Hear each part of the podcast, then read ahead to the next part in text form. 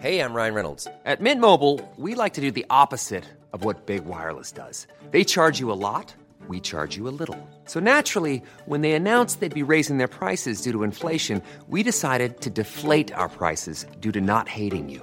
That's right. We're cutting the price of Mint Unlimited from $30 a month to just $15 a month. Give it a try at mintmobile.com slash switch. $45 upfront for three months plus taxes and fees. Promo rate for new customers for limited time. Unlimited more than 40 gigabytes per month. Slows. Full terms at mintmobile.com. Hiring for your small business? If you're not looking for professionals on LinkedIn, you're looking in the wrong place. That's like looking for your car keys in a fish tank. LinkedIn helps you hire professionals you can't find anywhere else, even those who aren't actively searching for a new job but might be open to the perfect role. In a given month, over 70% of LinkedIn users don't even visit other leading job sites. So start looking in the right place. With LinkedIn, you can hire professionals like a professional. Post your free job on linkedin.com slash people today. Everyone knows therapy is great for solving problems. But getting therapy has its own problems too.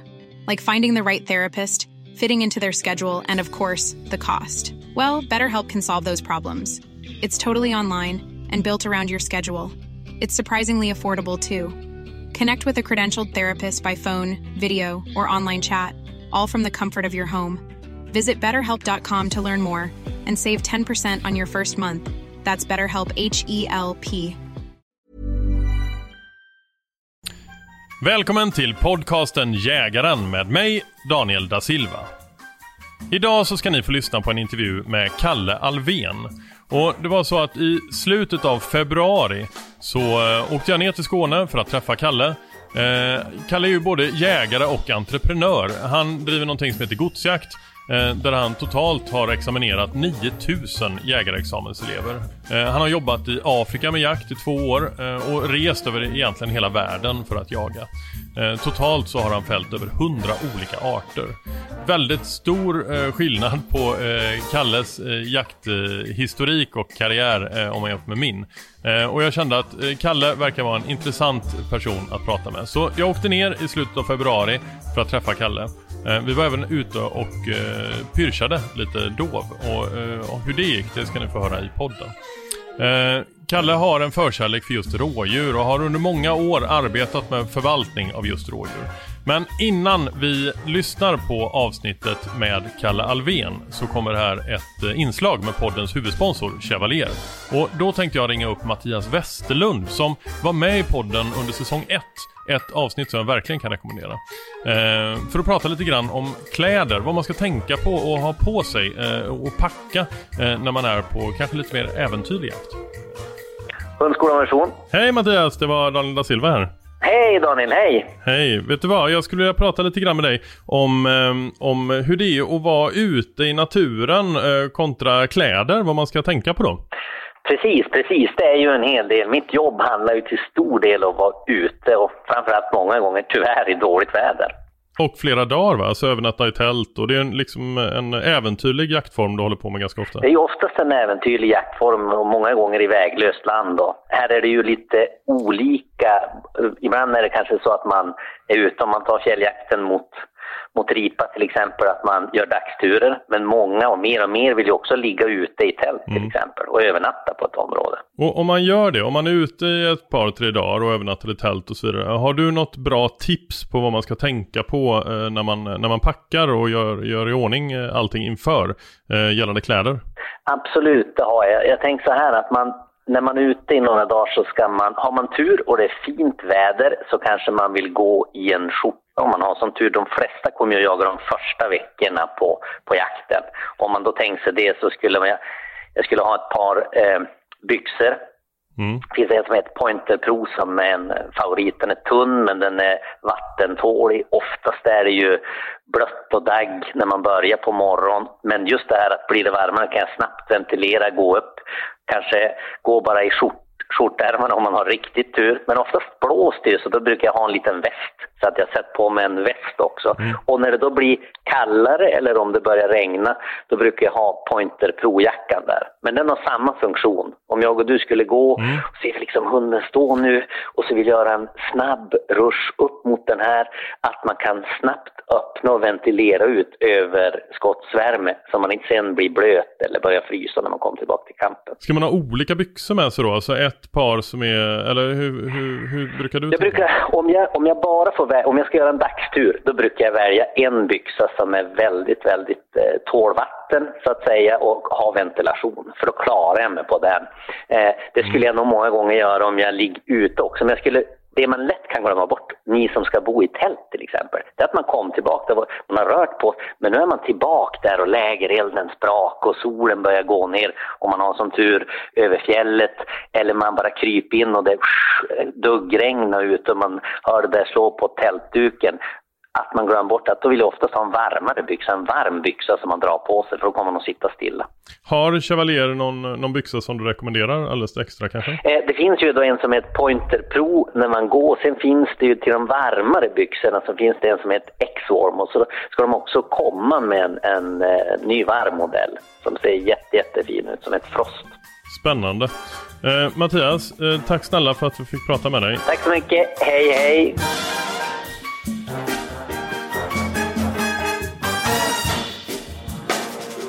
Jag sitter alltså här med Kalle Alvén, jägaren och entreprenören. Eh, och det känns som vi kommer ha hur mycket som helst att prata om. Välkommen hit Kalle. Tack! Jag snackar alltid för mycket så att jag försöker vara lite lugn. Vi, vi har hängt i ett dygn nu. Ja. Eh, jag kom ner igår tillsammans med min son. Eh, vi, alltså i Skåne. Eh, där du är uppvuxen. Ja, eh, bor. texta mig. Mm.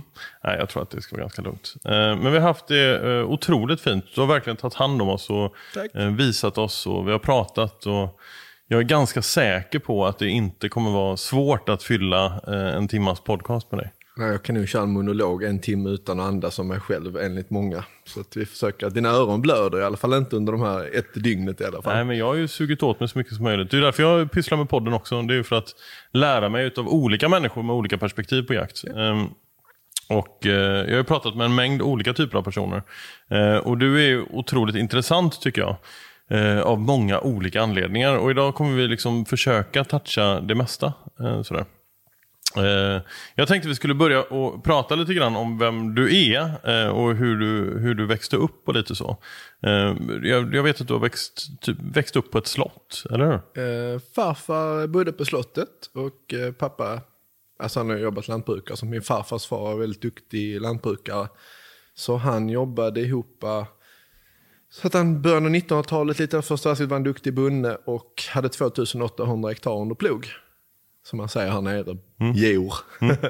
Eh, så han var duktig, så han kunde köpt halva Malmö. Nej, men alltså, det var verkligen så här stad. Men han älskar ju, han brann ju för det. Och eh, de i släkten och familjen säger att jag är den första i så kallade, jag brukar inte säga att ta någon jägarexamen och säga grattis du är inte jägare och sånt här. Men han var den som var jägare, min pappa är ju ingen jägare, han är skytt. Han kommer tre VM i ledarskytt så han skjuter liksom. Men farfars far Albin då, jag heter också Albin, jag heter Carl Fredrik Sebastian Albin. Och han älskade ju, du vet det bästa han visste var att skjuta räv. Så han satt ute, du vet det kunde kvitta kallt det var liksom då i slutet och hade åtlat, grävt ner någonting och så satt han där och väntade hur länge som helst för att skjuta räv. Fast han hade flera slott och gods och gårdar, för det var rätt många i familjen på den tiden. Sen är det ju nästa gener- du vet de här tre, det klassiska tre generationer, så att farfar då, de fick ju, pågarna, de bröderna fick ju varsitt gods och slott. Och systern gifte sig Bjurström med Ystad, så de hade ju då väldigt mycket Ystad, Ystad Allehanda. Och sen då pappa har ju då två bröder, och det är väldigt svårt att generationsskifta.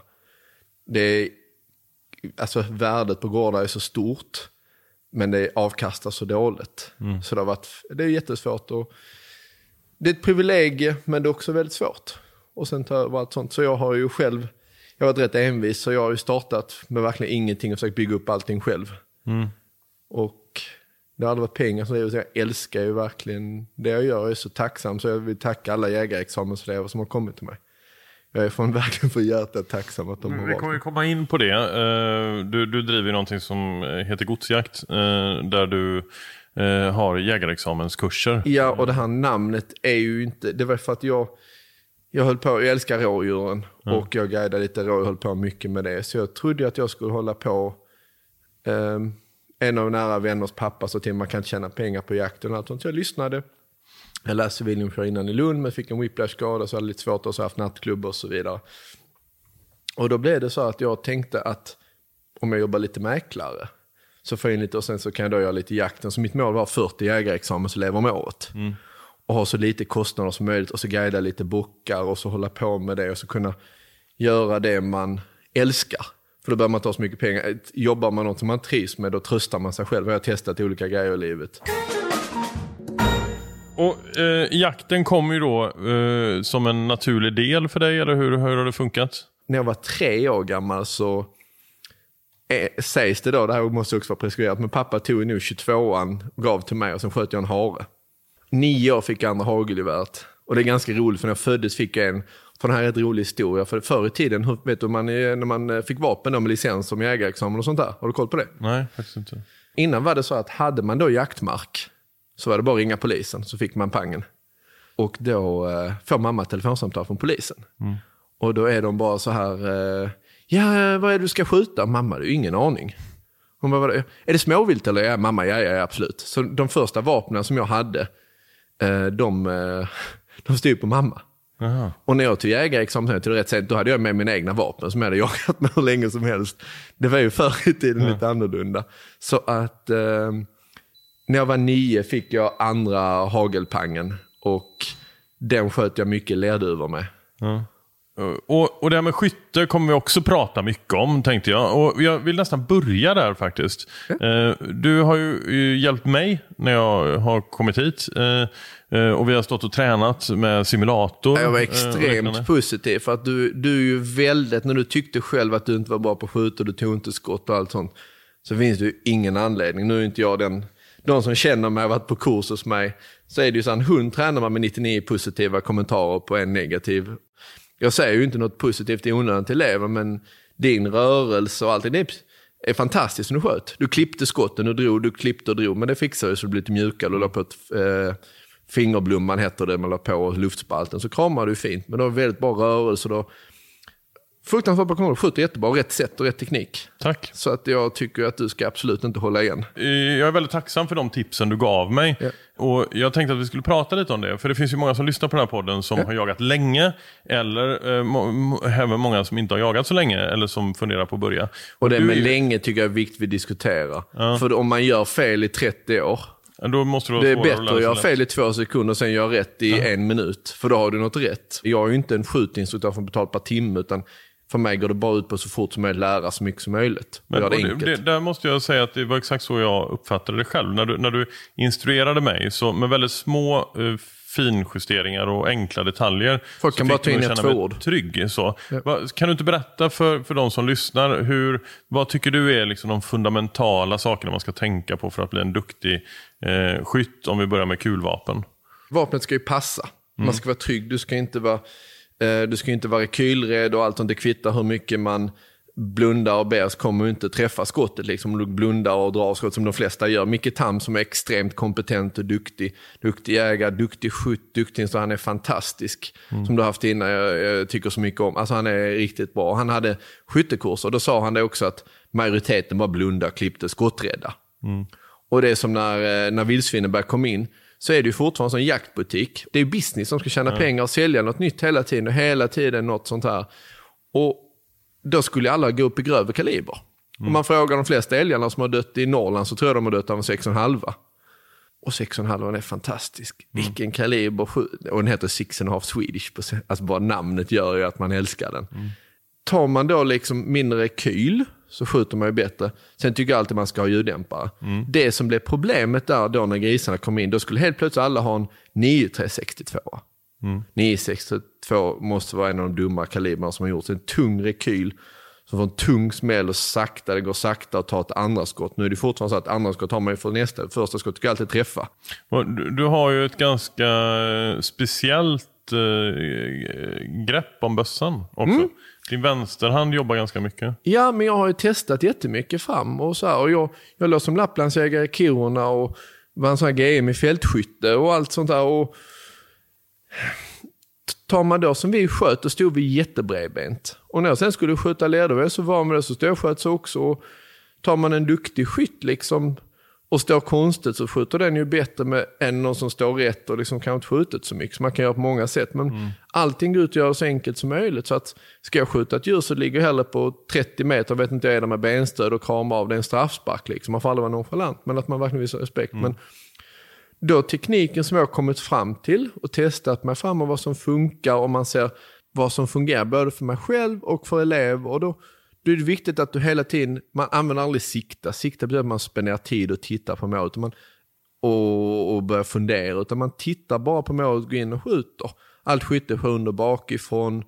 Folk vad menar du med det? Mm, alltså om du ska skjuta ett stilla mm. djur som står stilla så börjar man då, säga att vi skjuter med en aimpoint eller om man skjuter med en Swarovski liksom med ett, fyr, alltså med ett kors och så en mm. rödpunkt. Jag tycker att man ska ha rödpunkter.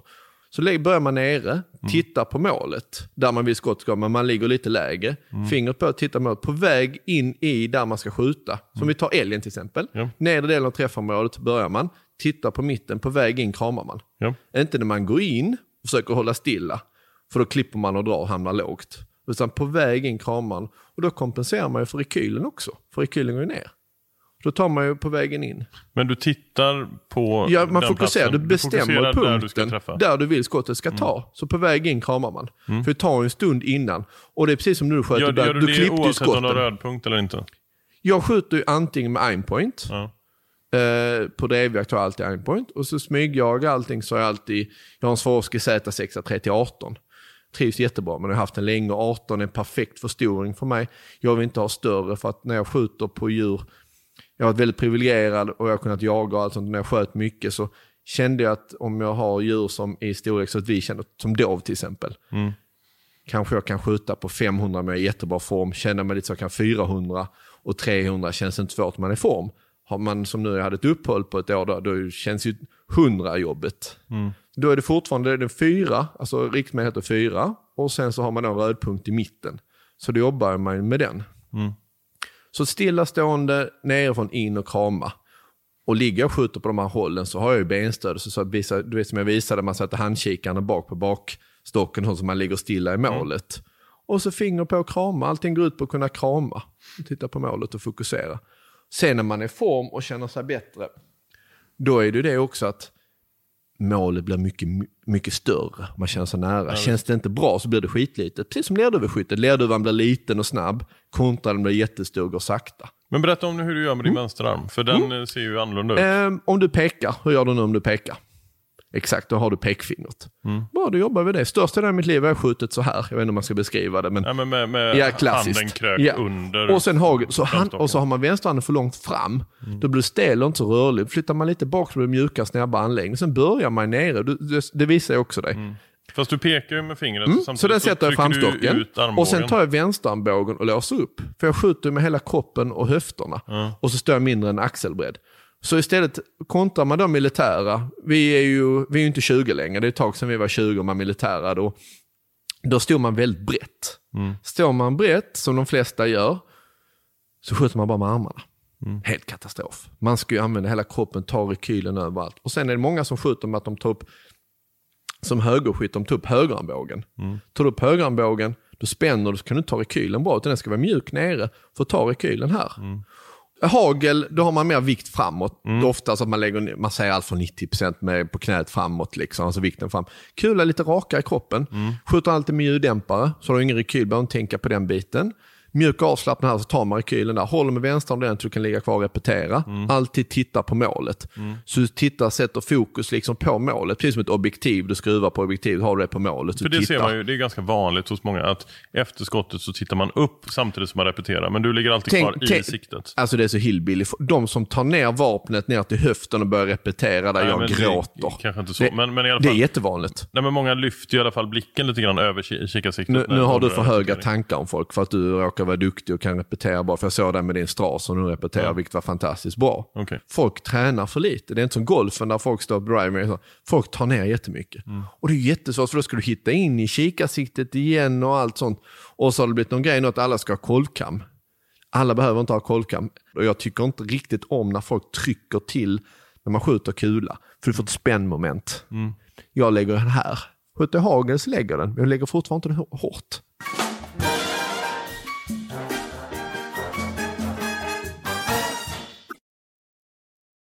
Det här avsnittet är också sponsrat utav Weidman.se, en jaktresebyrå. Och eh, jag sitter här med Einar som är ansvarig på byrån. Mm, Weidmans Heil. Weidmans Dank. Uh, det, så säger man ju. Ja, helt rätt. Och Weidman, om vi börjar där, det stavas med A va? Ja. Vaid. Precis. Eh, W-A-I-D-M-A-N-N.se ska man gå in på för att kolla in våra jaktresor. Ja, vad härligt. Och jag, jag reste ju faktiskt med er. Eh, så vi var tillsammans i Polen och jagade kronhjort under brunsten. En fantastisk upplevelse. Mm, det var fint. Och den resan kan man väl eh, faktiskt beställa och boka till nästa år. Eller Mm. till detta året då efter sommaren. Ja, vi har under brunsten i september så har vi två avresor planerade nu under första och andra veckan i september. Och de kostar 15 000 kronor per person och då ingår alltihop resa, tur och retur, jaktarrangemang, mat och dryck, boende, rubb och stubb, förutom då eh, fällavgifter. Och kring fällavgifter, hur funkar det där då? Det, ni har ju en lista på, på sajten vet jag så att man faktiskt kan se i förväg då vad, vad en eventuell eh, hjorttrofé kostar. Mm.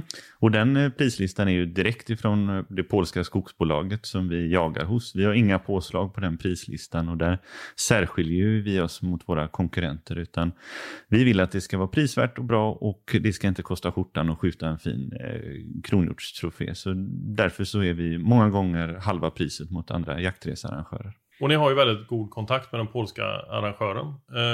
De här pengarna som, som kommer in från, från troféavgifterna, vad används de till? Mm, de går ju rätt in i den här eh, arrangören som tar och återinvesterar det i eh, skog och i eh, djuren och utfodring för att det ska kunna komma en större och starkare stam. Så att det är ju viltvård som pengarna går rätt in i. Eh, Så att det, det är ju så hållbart och etiskt som det bara kan bli, utan mellanhänder. Och när vi var nere så jagade vi på över 20 000 hektar.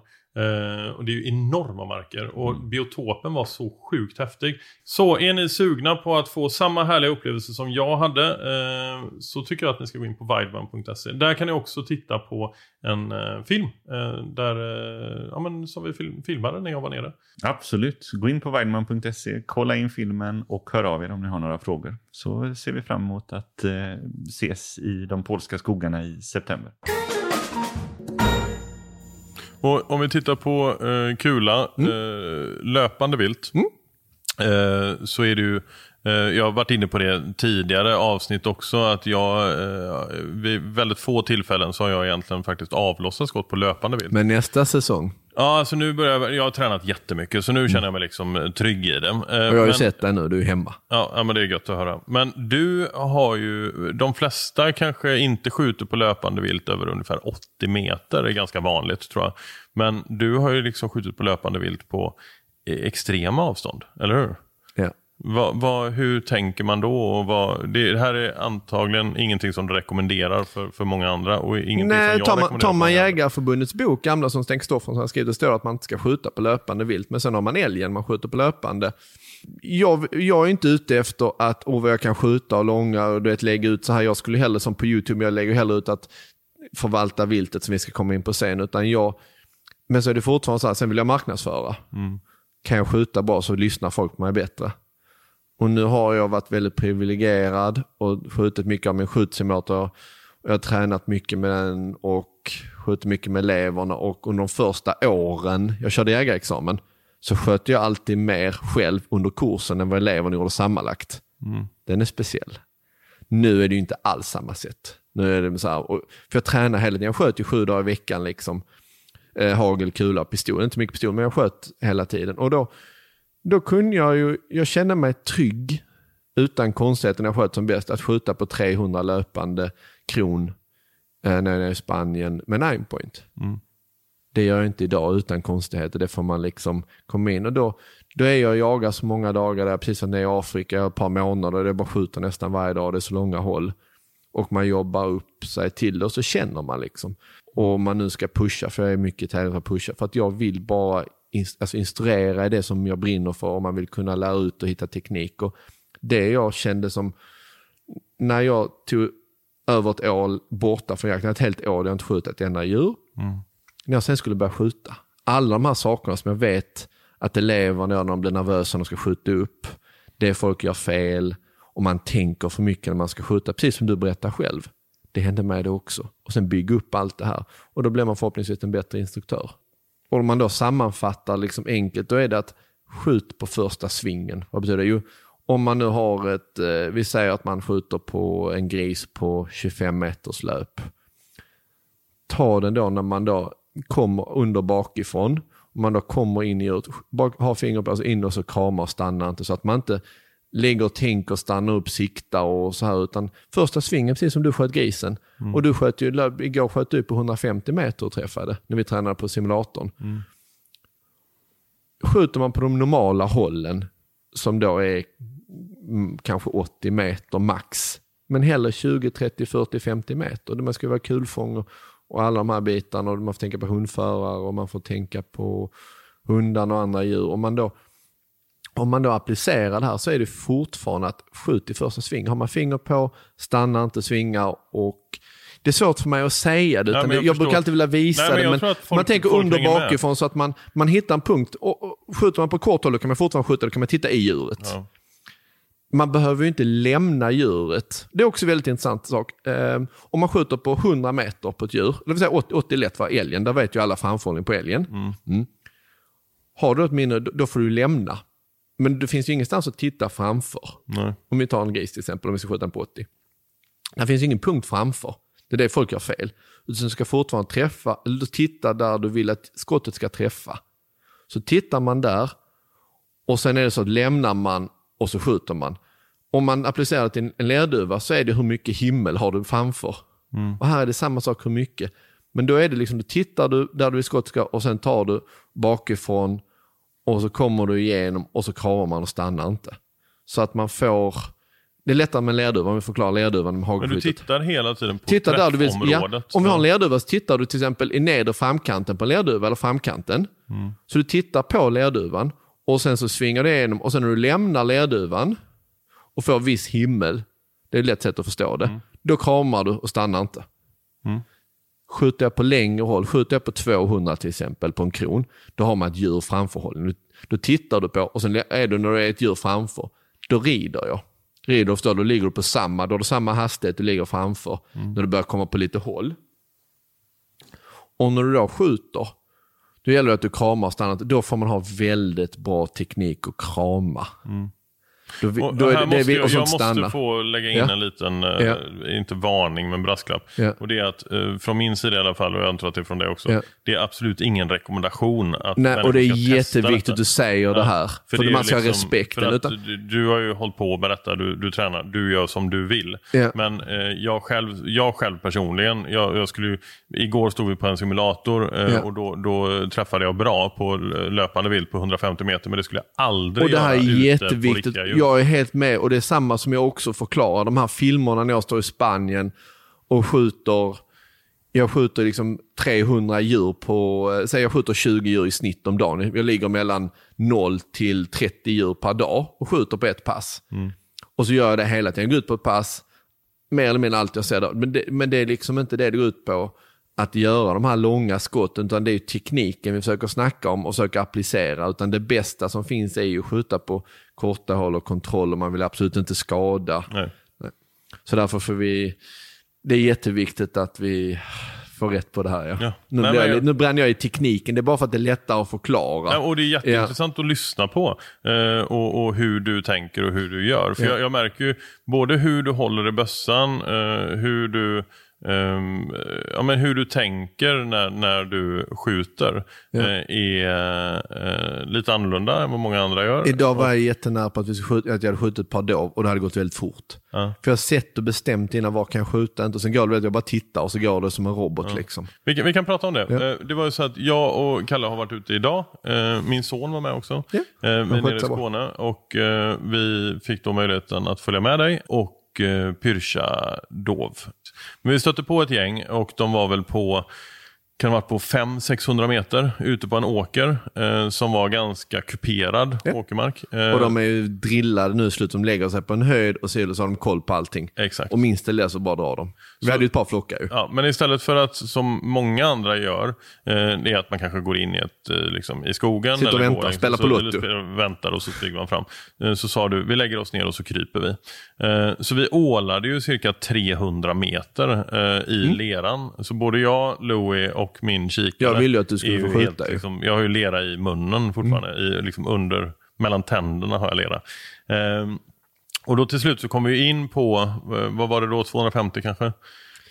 När du, när du var, eh, vi hade framme dig på 210 och sen in och med benstöd, handkikarna bak och allt sånt. Och då, då är det perfekt kulfång, vi har kuperat. Men jag förstår dig, för att längre bak är det ett hus. Men när jag tittar där, det finns ingen chans. Hur en kulan vinklar och sånt så kan den inte komma in så det är helt ofarligt. Men du gör verkligen rätt. För det är samma sak, det här är en av de viktigaste sakerna. Om man står och ska skjuta och det inte känns rätt. Har man det minsta lilla frågan, något inte känns bra, så ska man absolut inte skjuta för det kommer inte bli bra. Och det var det jag, det var ju det jag kände. Och det är jag menar innan man just ja. frågetecken ska bort. Och, och då, då, för när jag samtidigt då har djuren i bild och ser huset bakom så, så känner jag att nej, men jag känner mig inte trygg i detta.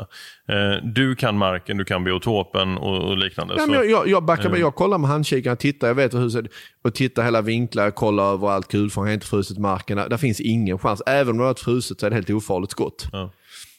Men, eh, det, det som känns hände ju då i alla konstigt. fall, ja, men det som hände då var Ja. rätt intressant. För då, eh, men då så sa jag, men eh, om, om du vill eh, så, så är du lärorikt och nu har vi liksom smugit här i, i Ja. tre, 300 meter. Och vi behöver beskatta lite till. Eh, exakt, så, eh, så då eh, tog du eh, geväret och sen så kröp du lite till. Eh, jag och min son låg kvar i leran eh, och tittade på. Eh, och sen efter ett tag, efter ganska länge faktiskt, när du hade liksom studerat Mm. dem länge, eh, så reste vi oss upp och så gick vi därifrån. Ja, vi Eh, smög bak utan att störa Smög, smög Ja, ja, tillbaka. ja. Och det var också en, en sak som jag uppskattade jättemycket som jag lärt mig. Just din, din syn på att inte störa viltet. Eh, Så att när jag du vill, valde ju, så här, jag vill vi ju skjuta dem med så få dagar som möjligt. Alltså om, om man har en mark som den här, jag har ett par ställen med dov som det behövs skjutas för att det, det är så pass, de här ställena kan du inte ha drevjakt. Det går inte. Det, fin, du kan, det här är inte gjort för drevjakt. Då får man smygjaga. Ehm, och det är häftigt tycker jag hur man tittar och tänker. Och det, det sista jag gjorde då när jag inte sköt, jag, jag vill ju skjuta i den här gruppen, så vill jag gärna skjuta 5 till 10 stycken. Och det, och det var det jag skulle komma till. Mm. Så det, det som hände då, eh, för er som lyssnar, så var det så att eh, Kalle sa att nej men jag valde att inte ta skott för jag hade nog bara kunnat skjuta två stycken. Ja, tre hade jag skjutit utan problem, men jag Ja, vill upp men då, till för då 5-10 hade stycken. du, du hade ju liksom sett, och det var då jag sa, ja, men det känns som du spelar schack när du jagar. För när man spelar, en, en duktig person som spelar schack tänker ju flera drag i förväg. Mm. Så det kändes som du hade liksom studerat gruppen, du hade tänkt, ja, först väljer jag den, sen kommer de röra sig åt Längst uppe till vänster, för jag vill inte upp dem till vänster, jag vill ha ner dem till höger. Och sen skulle jag skjutit den första bakom bogen, upp i leverskott, så han stått. Den kommer ju dö, det är inget konstigt, ingen skadeskjutning, ingenting. Så stått, sen hade jag plockat nästa chock. Och sen så hade de, efter de har stått där och börjat falla, så har de sprungit åt höger. Så hade jag plockat ner den längst fram till höger och sen bakom. Så har jag plockat dem runt så. För att jag vill, ja, om jag nu säger att kollar man hur stammen är, det är en väldigt stark stam bland hindar och kalvar. Det- Det här fältet som är då på 80 hektar, jag har haft 600 dov inne. Och ni som är bönder, ni vet ju vad som händer om man sår raps och så kommer dov in och betar lite. Det är bara så om. Och det är fortfarande kostnad liksom. Och, och vi som är äldre, vi kommer ihåg att först stoppar man pengar på banken och så fick man ränta. Och har man ett starkt kapital, man har många djur, så kan man ta en ränta. Här kan vi ta hindar och kalvar, kan vi skjuta. Vi kan absolut inte skjuta handjur. Det är helt för dåligt med handjur. När jag kom in på den här marken så var det äldsta handjuret överallt när jag körde runt och tittade tre år. Ett handjur av dov, dovhjort, dovvilt, dovhjorten, det är. De skjuter man 8, 9, 10 års ålder. Sen finns det folk som säger att de där spekten, man kan avskjutning, man kan göra så här. Absolut, om man, har, om man har en perfekt värld med mycket djur så kan man selektera småkroppen, små spetsar, spets under öronen. Men om det är för lite handjur så skjuter man inte, då sparar man. Så att jag, jag är så provocerad av det för att alla är så, är det horn så skjuter man. Mm. Och skjuter inte jag, skjuter grannen. Man måste samarbeta tänka längre liksom. Och doven är ju vandra, de har ju i brunsten, alltså innan brunsten, de är lovliga i Sverige från första september. Då är de inte hemma där det är liksom det normala, utan de är iväg i herrklubbar. Liksom. Sen kommer de in till brunsten, någonstans runt oktober. Och sen så ska de slåss och ska de gamla så ska de då, ska det paras. Och sen efteråt så är de trötta och ska de vila. I Sverige får vi inte jaga under brunsten. Alltså det är ju lite brunst i början och slut. Men jag tycker bättre om större marker där man skulle kunna få selektera i brunsten. För de har mer kontroll. Och så blir det väldigt rätt. Istället för att lite lotto skjuta på drev, på fel ställen. Sen tycker jag att det är fantastiskt att alla får jaga. Men all jakt sker fortfarande på viltets bekostnad. Mm. Och nu, jag hörde lite på lite olika när poddar, jag har hört på massa andra. Och så, så alla, alla bara tjatar om det här att det är okej okay att skjuta så länge man äter. Och jag har så svårt för det. Jag bara, absolut, jag älskar att äta vilt. Alltså, när jag växte upp så var det så, det var så var det, det var inte alls samma. Så förstått på jägarexamenskurserna och folk uppskattade. För början tänkte jag, ni kommer hit för att lära skjuta. Skit i det, vi äter köttbullar och pizza eller vi tar en korv, det går snabbt. Vi ska skjuta mycket. Och nu har jag ändrat mig så nu har vi mycket vilt. Eh, men det är väldigt viktigt att visa respekt till djuren. Och då är troféjakt något fint, för då får man upp åldern på handjuren och hondjuren får en stor stark man istället för en liten pågapitt. Vilket inte är jättebra. Så att det jag tycker man borde göra det är att försöka spara upp. Och det, det vinner ju alla på. Då får man, det är många som säger jag är inte troféjägare, det är jag inte troféjägare. Men det är inte det, det, det är åldern. Och det är naturligt handjur som har gjort sitt är perfekt att plocka bort.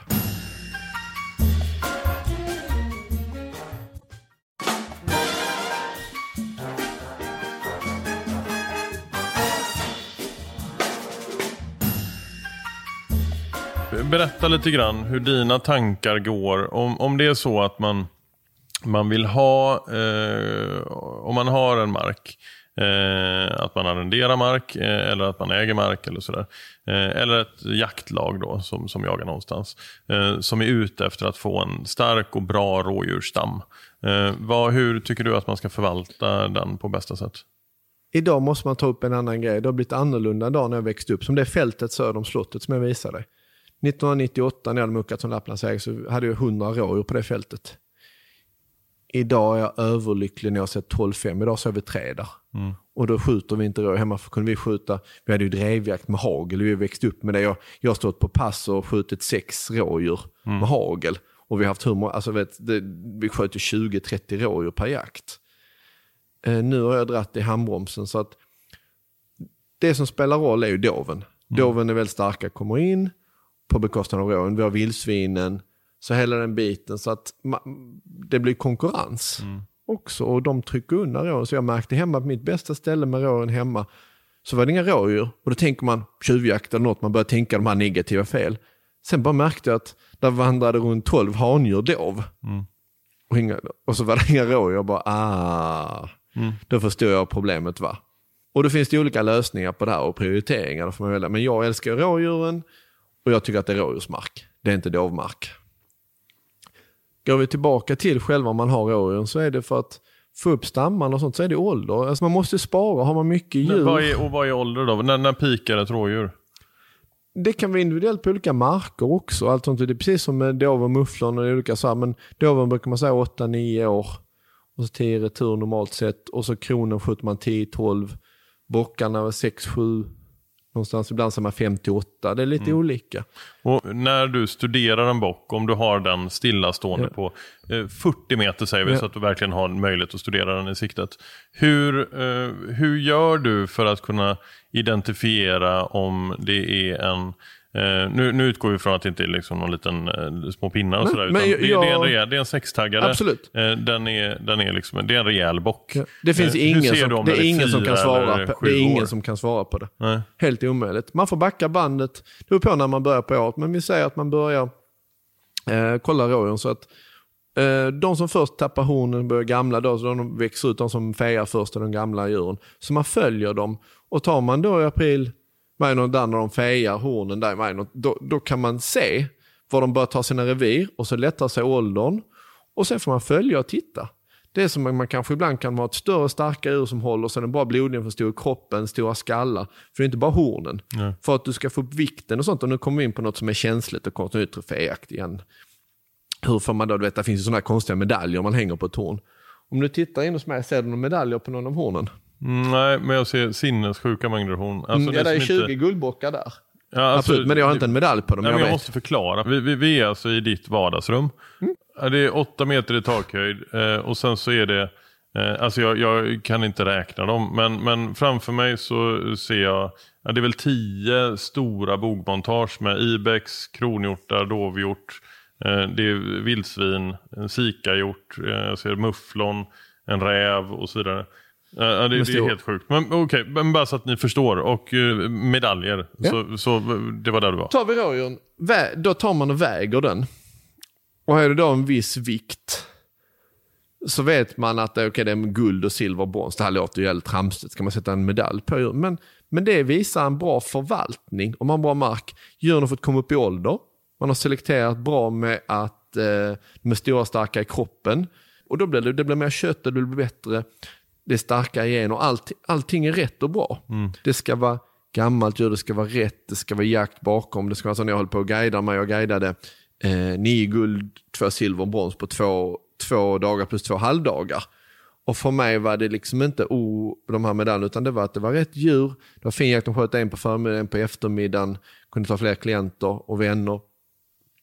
Och så selekterade foto, så gick vi efter den här. Och det är så mycket förarbete. Vilka bockar tycker du är bra om man vill ha en bra, om man vill förvalta Vi kollar ålder först. Och ha en bra. Hur, vad ska man titta efter? Man ska få upp ålder. Ja. Ålder är det som är grundläggande säger de.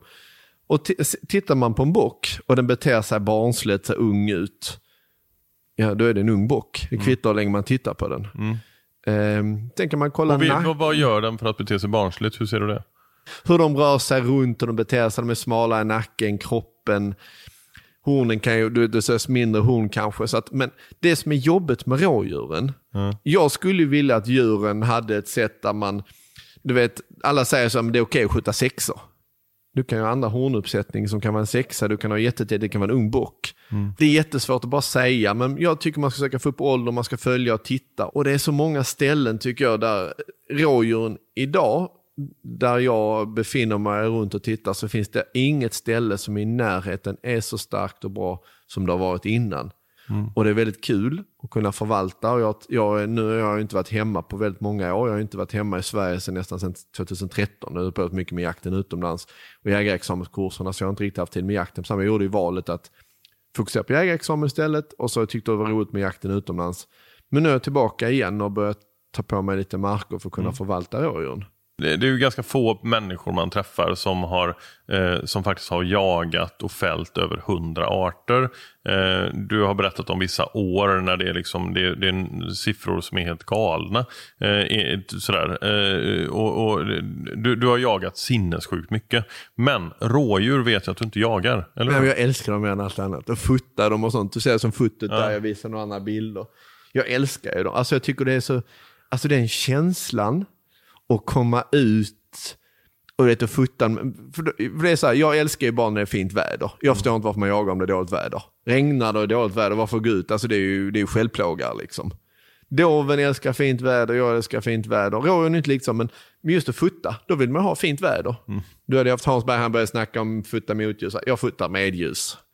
Mina de här favoritfoten har inte de här, om vi hade varit på och Kloster och sett på väggarna. De är fotade på 30 meter med de här, det där stora objektivet. Med solen i ryggen. Alltså smyga sig in och fota dem. Det är ju tusen gånger roligare. Skjuta är ju inte så jävla kul.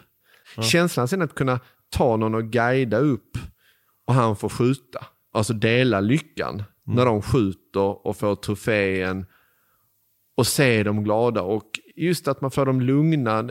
Jag har tittat mycket när jag åker och jagar i olika länder så ser man guider och de bara shoot, shoot, shoot, shoot, shoot. Då blir man ju stressad.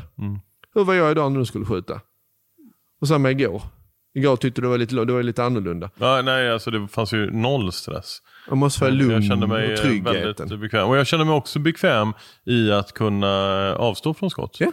Ehm, Och det är viktigt. ja. För man ska, inte, man ska ju absolut inte skadeskjuta, det ska inte kännas fel, det ska inte vara farligt. Och har man det minsta så ska man verkligen inte för det blir inte bra. Nej. Och börjar det bli för mörkt, skjut inte. Nej. Det är också många som gör fel, tycker när man jagar bock. På morgonen, gå inte ut när det är för mörkt. För då kan man bara stressa, alltså då kan man bara bli att man trampar på någon kvist eller gör något och skrämmer iväg dem. Utan jobba med, man kan, man kan nästan jaga dem hela dagen ju. Och sen på kvällen när det börjar bli mörkt, åk hem. Eller sitta och jaga räv sista biten. Och jag tycker om att locka räv med, med lockrop. Precis som Uffe Lindroth och jag använde samma, lock, eh, vi började snacka. Han, han tänkte ju man talade med mig, bara vad fan är det för skränig jävla dryg skåning som älskar sig själv. Vad fan är det för en dryg jävel och tyckte nu sådär om mig. Men sen när vi satt och snackade ett par timmar och märkte att vi hade skjutit räv med samma lockpipor. Vi började väldigt mycket 2005-2006 där och höll på med dem. Då började han acceptera mig lite i alla fall. Lite så här okej, skränig dryg skåning som älskar sig själv liksom för mycket. Men tror du att det är många som har den uppfattningen av det? Då är vi tillbaka till Zlatans. Tänker, Zlatans bok var ju bra, eller hur? Ja, det var trevligt. Jag hade skulle guida den största inom jakten i Europa. Och så, man, och så fick man liksom, har man gått runt och sagt att man ska vara bäst, man måste pusha sig, så här mellanmjölk. Då låg jag lite så här i ångest, fan varför har jag inte förberett mig mer, varför har jag inte det? Man måste ju pusha sig själv. Säger man att man är mellanmjölk, då kan ju vara mellanmjölk, men säger man att man ska vara bäst på att instruera, som jag tycker för jägarexamen, ja då får man ju prestera mer. och det är det de köper. Det är just det här skyttet. Och då när jag guidar och sånt, jag, när jag började guida så kände jag att jag kan ingenting, jag är värdelös, vad fan kan jag? Och så hade jag någon stor och så tyckte de att man var duktig, så satt man som svensk, för jag är fortfarande uppfödd på landet svensk. Ja, svenska, ja på land, du vet så sjövarp. Då, då tittar man ju ner på sina fötter och skäms när någon säger att man är bra, man fattar ju ingenting liksom. Sen höll jag på mycket, så att det, jag är väldigt tacksam till Barsebäck och familjen Hamilton där, det var min bästa kompis liksom där, och hans pappa som tyvärr inte tiden.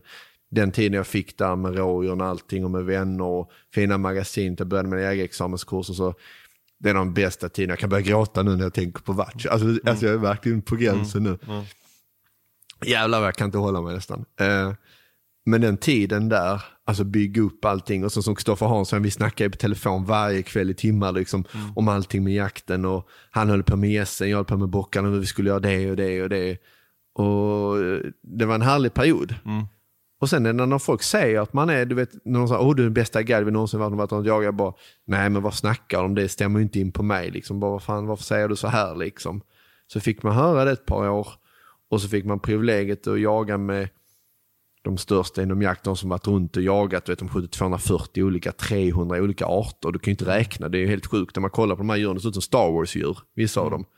Så Fast det är så jag upp. känner när, när Ja, nu du titta. säger hundra. Ja. Eh, men du, jag må, måste fråga, du, du är helt tårögd. Eh, vad- Ja. Vad var det som gjorde att du blev så berörd? Nej, men jag är ju väldigt tacksam med att hålla på med det här. Ja. Alltså jag älskar ju det. Och det är, det är fortfarande på mycket bekostnad av jättemycket saker. Och, och jag kände att hur ska man liksom, för det är alltid pengar, du vet folk känner liksom så, kände jag att man tar ändå mycket betalt för mig. Jag tycker det är jättemycket pengar för någon att betala för jägare. Liksom. För nu är jag också inne på det här med, med jakten. Jag vill att alla ska kunna jaga och skjuta och allt sånt. Men också för att rädda djuren och ta hand om dem och ett värde. Och för mig när jag växte upp så pengar inom jakt, det var ju smutsigt, det var så förbjudet, man betalade inte för jakt, man bjöd varandra. Och det är lätt, sitter man då som vi har jakt hemma, så var man runt och jagade hos kompisar, alla vi åkte på runt och jagade och så var det vänner och middagar och allt sånt. Och jag började jaga jättetidig ålder och var runt och jagade överallt. Så att det var ju en speciell eh, bit. Men jag är, jag är väldigt tacksam för att ha alltså, lärt upp så många. Alltså just när man kommer och tar jägarexamen, och jag ska, jag ska s- förklara på ett bra sätt, men när de då kommer till en, då är det skyttet de kommer för. Jag är så tacksam, för då vill man verkligen kunna, och det var där jag gjorde valet skita i jakt för att jag vill bli duktig på att instruera. Och om jag då är där och instruerar, och jag känner att jag hellre vill vara iväg torsdag, fredag, lördag, och som söndag körde jag förut också. Att jag hellre vill festa eller vara på middagar eller jaga eller åka och resa, något sånt. Då är det inte ärligt och rätt. Men om eleverna vet att det är där jag helst vill vara och jag inte vill vara någon annanstans, alltså hellre och sånt. Och det var där jag gick in, för då sket jag allt annat livet. Det är kul med kompisar, så, men man träffar, om du har fem kompisar i livet som du träffar varje fredag, lördag. Ja, det är ju rätt likt. Och jag som då snackar mycket, då ska jag sitta och snacka och underhålla. Så dricker inte jag längre. Alltså så, här, så blir de andra fulla. Så behövs jag så länge folk är nyktra. Sen när folk blir fulla så behövs jag inte längre. Så då kan jag åka hem liksom. Ehm, Men när vi pratade om detta förut i bilen Ja. så Men de här nya nämnde bara du det det som en, en mörk resa sa du. Ja men det är ju mörkt när du får skita. Jag sket i fem bröllop på ett år. Jag är bjuden på fem bröllop som jag inte gick på. För att jag var så fokuserad. Jag, du insett att jag är lite tävling kan man säga. Ja. Inte lite heller. Nej, det är ganska tydligt. Ja. Och då ville jag så här för att jag vill ju att varenda elev som kommer ska klara jägarexamen. Alla ska klara proven. Om jag har någon som jobbar för mig som säger att när det kommer någon, ah men den där är jättedålig. Det är helt ointressant. Utan varenda en, de som är sämst, det är alla de som kommer och tror att de kan skjuta. Ja, men jag har gjort militärer för 30 år sedan. Det är de sämsta. Sen är det väldigt många de som tycker att de kan skjuta, de kommer ju inte till mig utan de är redan för teorin. De flesta går ut i sådana teorikurs, min kurs är inte teoretisk utan mina elever har läst all teori innan, förberedande frågor allt sånt, så de kommer till mig så är det säkerhet och skytte. Det är ju det som är det viktiga ju. Jag, jag pratar med alla mina eh, gäster om Mm. varför de jagar. Det är lite så här grundidén till hela podden faktiskt. Eh, det jag, jag tycker är väldigt intressant. Med att människor har olika drivkrafter. Vissa har maten, andra har upplevelsen, spänningen och så vidare. Du känns ju liksom så extremt tävlingsinriktad så att det nästan, eller hur, hur, vad, vad är det, jag ska inte lägga orden i munnen på Mm. det, men, men vad är liksom drivkraften? Har du funderat över det? Varför, varför jagar du? F- nu kommer jag babbla om något så här. Frågar mig liksom till exempel vilket land var det häftigaste och vilket djur var det häftigaste. Tänk, tänk privilegiet som jag fick. Jag fick åka till Mongoliet. Kommer dit där och då, då står en person som har suttit i regeringen där som, är, som var chef och det fanns bara ett jaktbolag innan eh, Gülshin i Mongoliet. Då står han där helt så här, typ rullar nästan ut röda mattan till mig. Tar in mig i Ulan Bator. Jag får gå in i museen, alltså museer som är stängda. Jag får in och titta och se allting i landet som du, du kan inte komma in i vanliga fall. Jag får reda på precis vad jag vill inom jakt och museien, alltså de i Ingis khan, åker runt och får privilegiet ut i bergen. Jag var både i Gubiöknen och jagade och jag var uppe i Altajbergen och allting och jagade. Började, den ibexen som sitter där som inte är där just nu som har trillat ner. Den sköt jag där. Och så det djuret som du inte hade en aning vad det var. Den whitetail-gasellen som där typ inte är tre svenskar som har skjutit. Okej. Eh, det privilegiet att inte komma dit för att jag betalar pengar utan för att de respekterar mig. De, ty- de var helt så här, du vet, tyckte att jag var duktig jägare, duktig på att skjuta, duktig på att röra mig och hela den här biten, att man är respekterad. Det är ju ett jätteprivilegie. Åka runt i hela världen. De här människorna. Men är det det som är drivkraften Ja, ja men alltså att kunna välja 100 personer som, som jagar bock med och du får välja vilka personer för de är intressanta. Jag tror det som driver mig är att det är energi och det är roligt att lära ut och skyttet. Och det med att jag kan skjuta på långhåll, är det enda som är vinning av det, det är för att folk lyssnar bättre och lättare. Det är precis som den, när du fick se YouTube, den som har lagt ut när jag skjuter 300-400 meter. Det är för, vad, om du kollar på YouTube, vad kollar folk på? Du själv älskar ju vildsvinsfeber.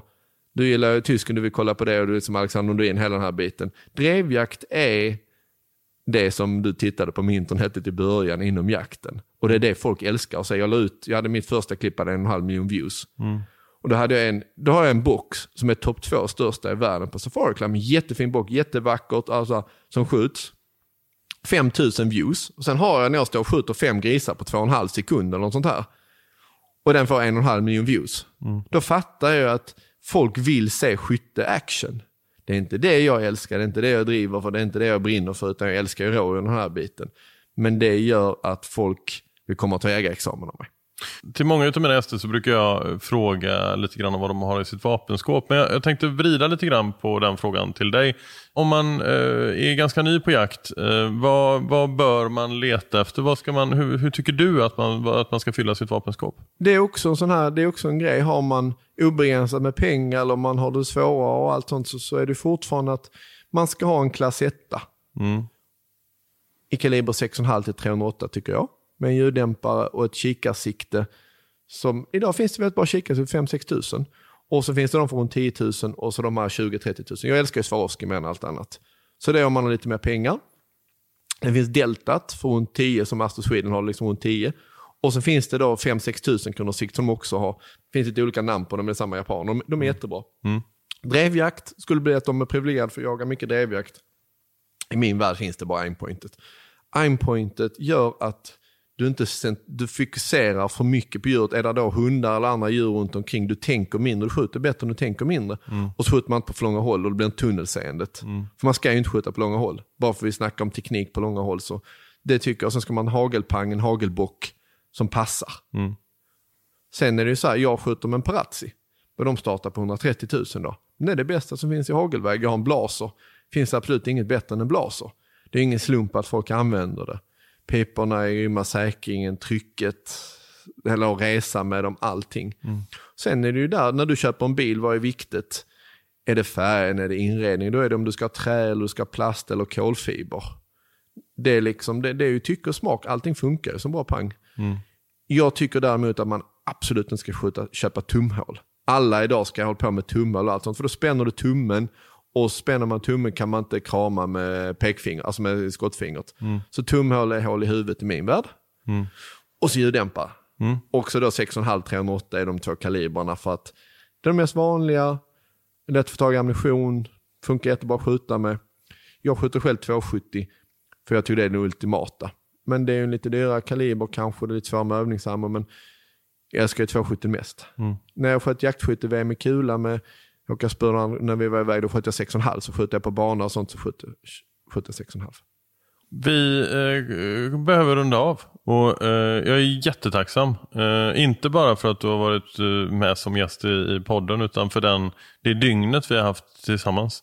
Eh, Och det är inte slut ännu? Nej, nej, nej. nej. Eh, Men jag har lärt mig jättemycket och jag måste säga så här. Jag, eh, när jag planerat den här säsongen, eh, det är 15 gäster den här säsongen också. Eh, om det var en person som jag inte trodde faktiskt skulle börja gråta under intervjun så var det du.